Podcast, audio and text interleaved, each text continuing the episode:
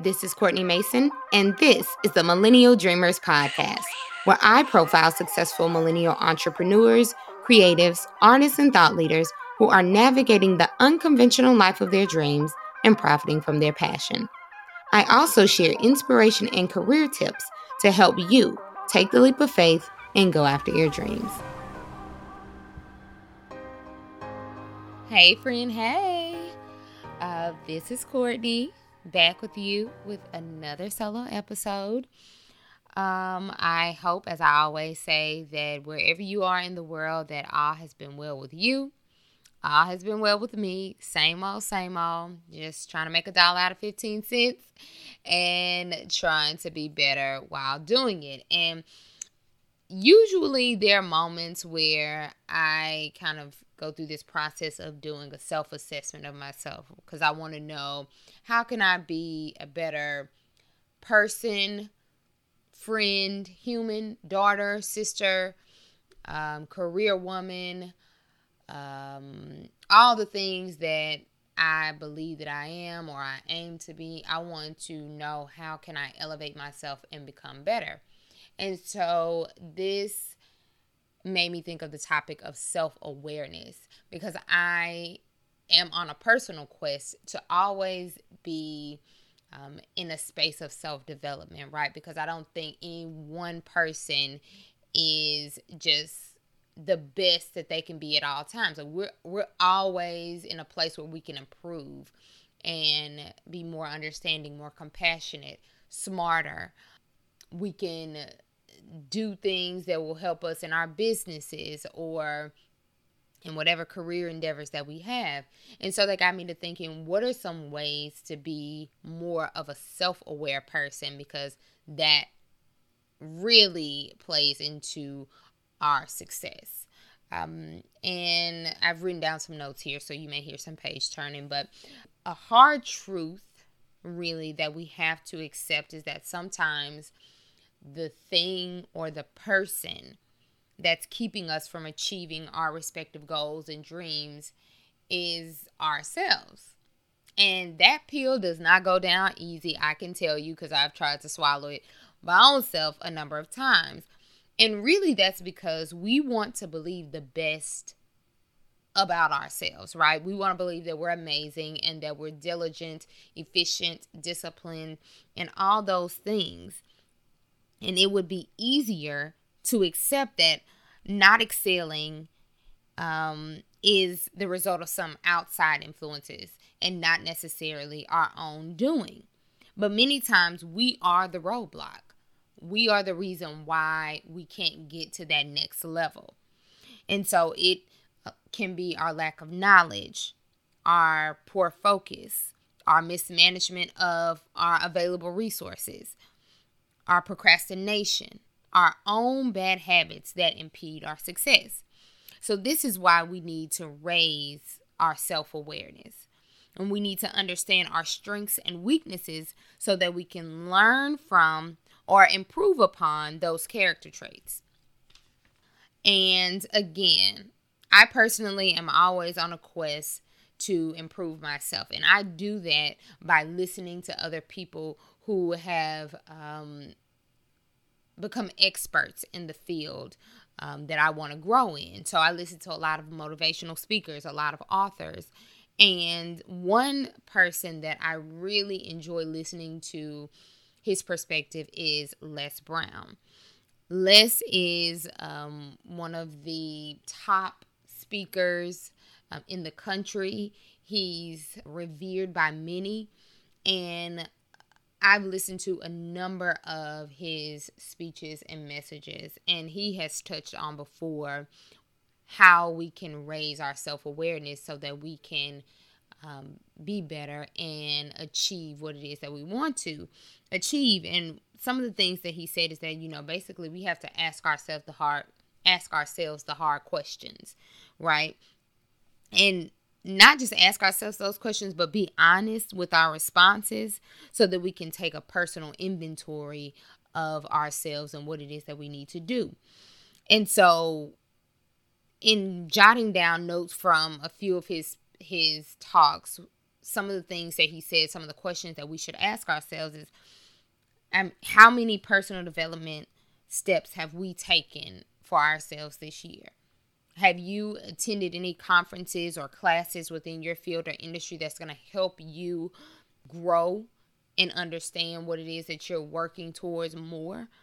Um, have you sought out any personal development of any sort, any anything locally within your community that will help you to grow in any area that you need to? And if not, why not? Why haven't you taken the steps? Because sometimes they're free resources, free things. Sometimes the the content and the information or the event is so valuable that it does cost to be there. But why haven't you taken the steps if you have not um, done something for your own personal development or to help you learn within your field or grow within your field? Why haven't you done that? How many books have you read this year? I know a lot of times we'll say, well, I don't have time to read a book. But there's apps on our phone, or, you know, our phones um, will do this thing where it shows how long you've, how much time you've spent on any given app that's on your phone and it'll give you a weekly log of your time. It's like a time log. It'll show you how much time you're on this app, how much time you're on Instagram, Facebook, um, or just how much screen time you've had in general. And a lot of time is wasted time because we can get on something. It can be a news app, it could be social media, it could be Twitter, it can be Pinterest, it could be whatever. And you go down a rabbit hole and you think it's like five minutes or 10 minutes, but really it's about 30 minutes to an hour or longer that you spent when in actuality you're saying that I really need to get this thing done or I wish I had more time so that I can read or I can understand this more. But you're not allocating your time better. So he's asking, like, okay, how many books have you read uh, this year? And even if you can't sit down and read a book, there's I love audiobooks. Like if I get in a car, I don't always turn on the radio. Sometimes I will just listen to a book. I just finished um, Elaine Welteroth. I hope I'm I'm, pre- I'm pretty sure I'm not saying her last name right, but uh, she wrote a, a, book entitled More Than Enough, and I really wanted to listen to it um, or read it, but I was reading another book and I just only had so much time to allot to reading. So I was like, let me just get the audiobook. And when I was driving home to North Louisiana, I listened to it going and I listened to it coming and eventually I finished the book and it was really, really good. I think it's a New York Times bestseller now. And so um just find a way to get the information if you really feel like there's information out there that can help you. Um, what is something that you need to let go of? is there some baggage of some sort emotionally something that happened that is just really a distraction for you now that you can't I mean, it just prevents you from really focusing on things that you need to focus on. Like, what is something that you need to let go of? What skills will make you more competitive in the marketplace? And i think that can go back to what have you done this year to kind of position yourself? Have you learned anything? Have you go- gone to any networking events? Have you gone to any conferences um, workshops classes that will either be um, helpful for your personal development or also helpful within your specific career field what was the biggest setback that you've experienced this year and how has that impacted you in any way? Has that affected you financially where money that you would have used for your career endeavors or for something that was important to you um, you had a setback and that impacted your ability to have available resources? What does that look like be honest with yourself with those answers because then you can say, well, I need to sit down and really understand my finances, really understand what my expenses are, where I have additional income, um, and how am I using that additional income that's not going to my living expen- expenses. Am I just, you know, spending a lot of money on conveniences and um, fast food or, you know, just things that that will eat that money up and I could be using it in a better way if I really just sat down and thought about it. Like different things like that. That's just an example. Another question What are some of your triggers? That is kind of similar to the previous question, but like, what's something that's a trigger of yours that I mean, that impacts you in a negative way that you haven't worked through. What character trait would a potential life partner feel? Let me let me say say this one again. What character trait would make a potential life partner flee that you know you need to get a handle on before you even meet that person? And how are you improving upon that thing? So that is one where it's like you know we we have certain qualities or things about ourselves that we know like i really need to get a handle on this it's like when you are by yourself it's a quirk of some sort or it's something that might even annoy you then you're like before i get married i need to kind of work on this or this is something that i know i need to be better about. We know it. We might not admit it to other people but we can at least admit it to ourselves.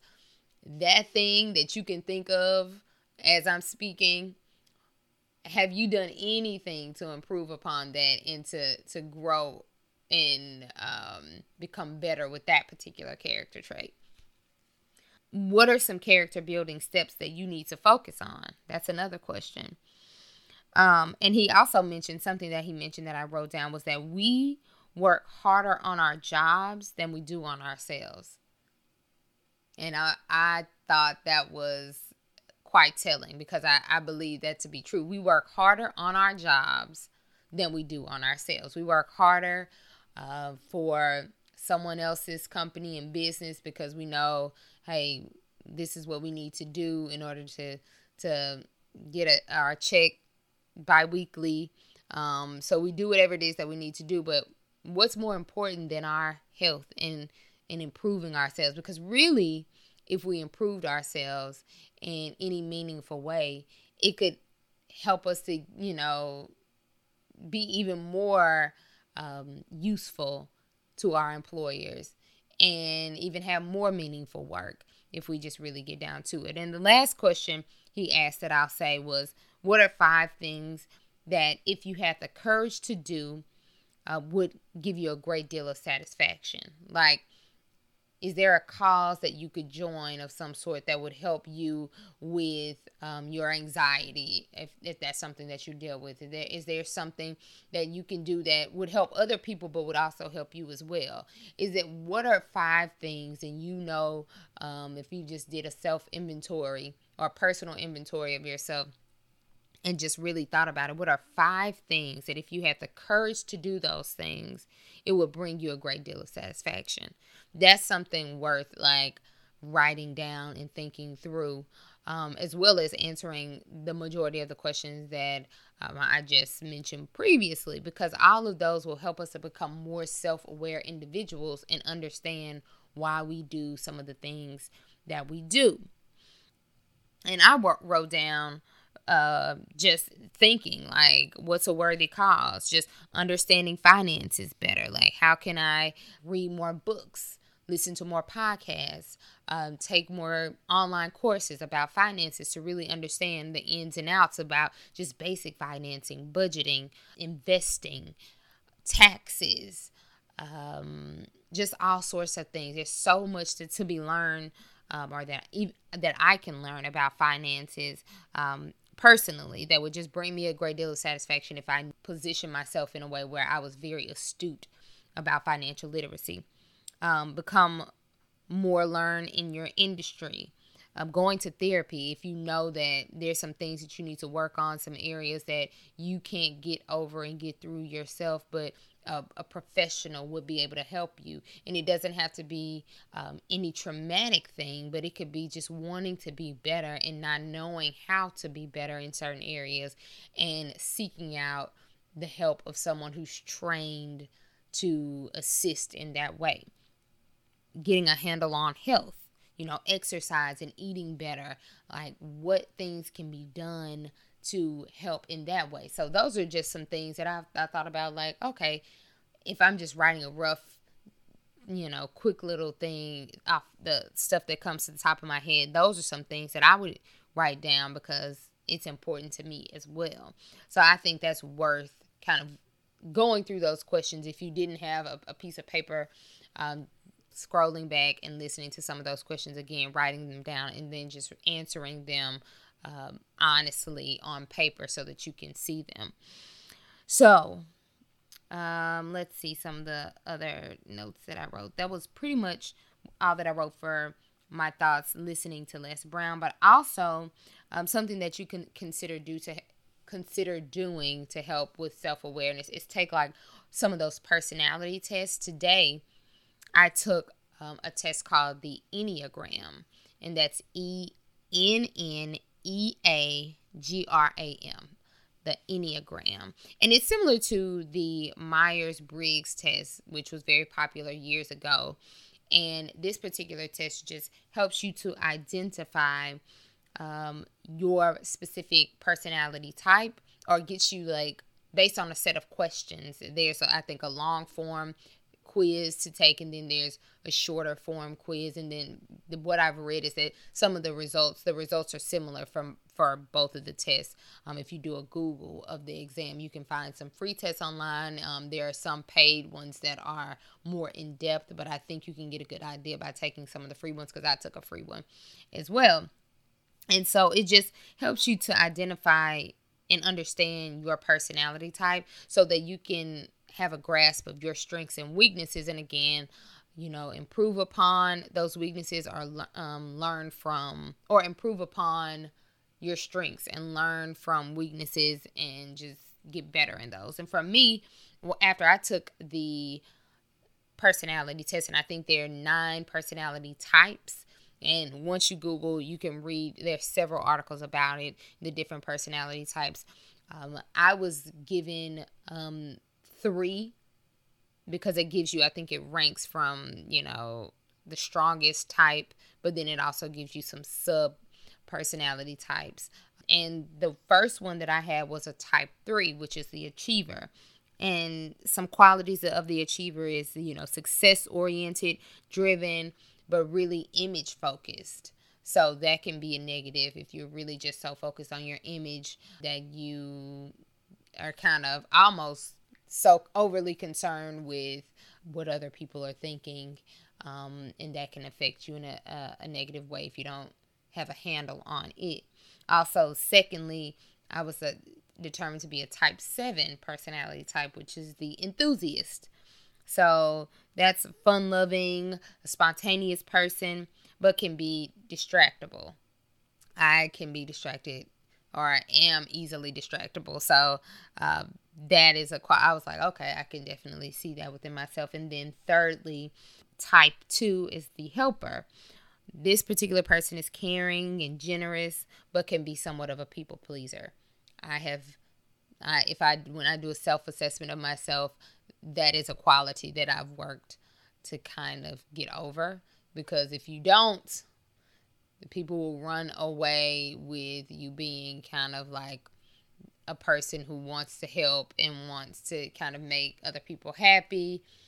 They'll take advantage of that. So you can see how it gives you a breakdown of your whatever your personality types are ranked um, if they give you three or if they just tell you the the main one they'll tell you what are some of the qualities what are some of the strengths uh, personality traits of that person but what are some of the things that that person um, qualities that that person needs to improve upon or something that might be perceived as negative because then you can then take that information and learn from it and grow from it and then make decisions about how you maneuver uh, based upon that. And I'm sure there's a lot of more. Like, I can, if I wanted to just go down a rabbit hole, I probably could, you know, do research and read articles and look at videos and listen to podcast episodes about a type 3 which was the very first one and just understand like what are some things that I can be doing because you can play upon those strengths. Like if I know that I'm an achiever and success oriented okay so so what does it say about that particular person and and how can they use those qualities to their advantage? So um, i suggest taking one of those personality type tests to to get an understanding to be more self-aware of your strengths and weaknesses and grow from those so those are just a few things that you can do to become more self-aware asking yourself the hard questions answering honestly um, and seeking out things that will help you understand yourself more. Because if you don't understand yourself, then there's no way um, to really become the person that you want to be. And there's all there'll always be some type of roadblock that will prevent you from just achieving the things that you want to achieve and just being that person that you aim to be. Um, so those are my thoughts for this week. I hope that helps someone. I hope that triggers an aha moment of some sort for anyone who might be listening. Again, I appreciate you all so much for lending your ear, and I hope you have a fantastic remainder of the week. Um, until next time, peace.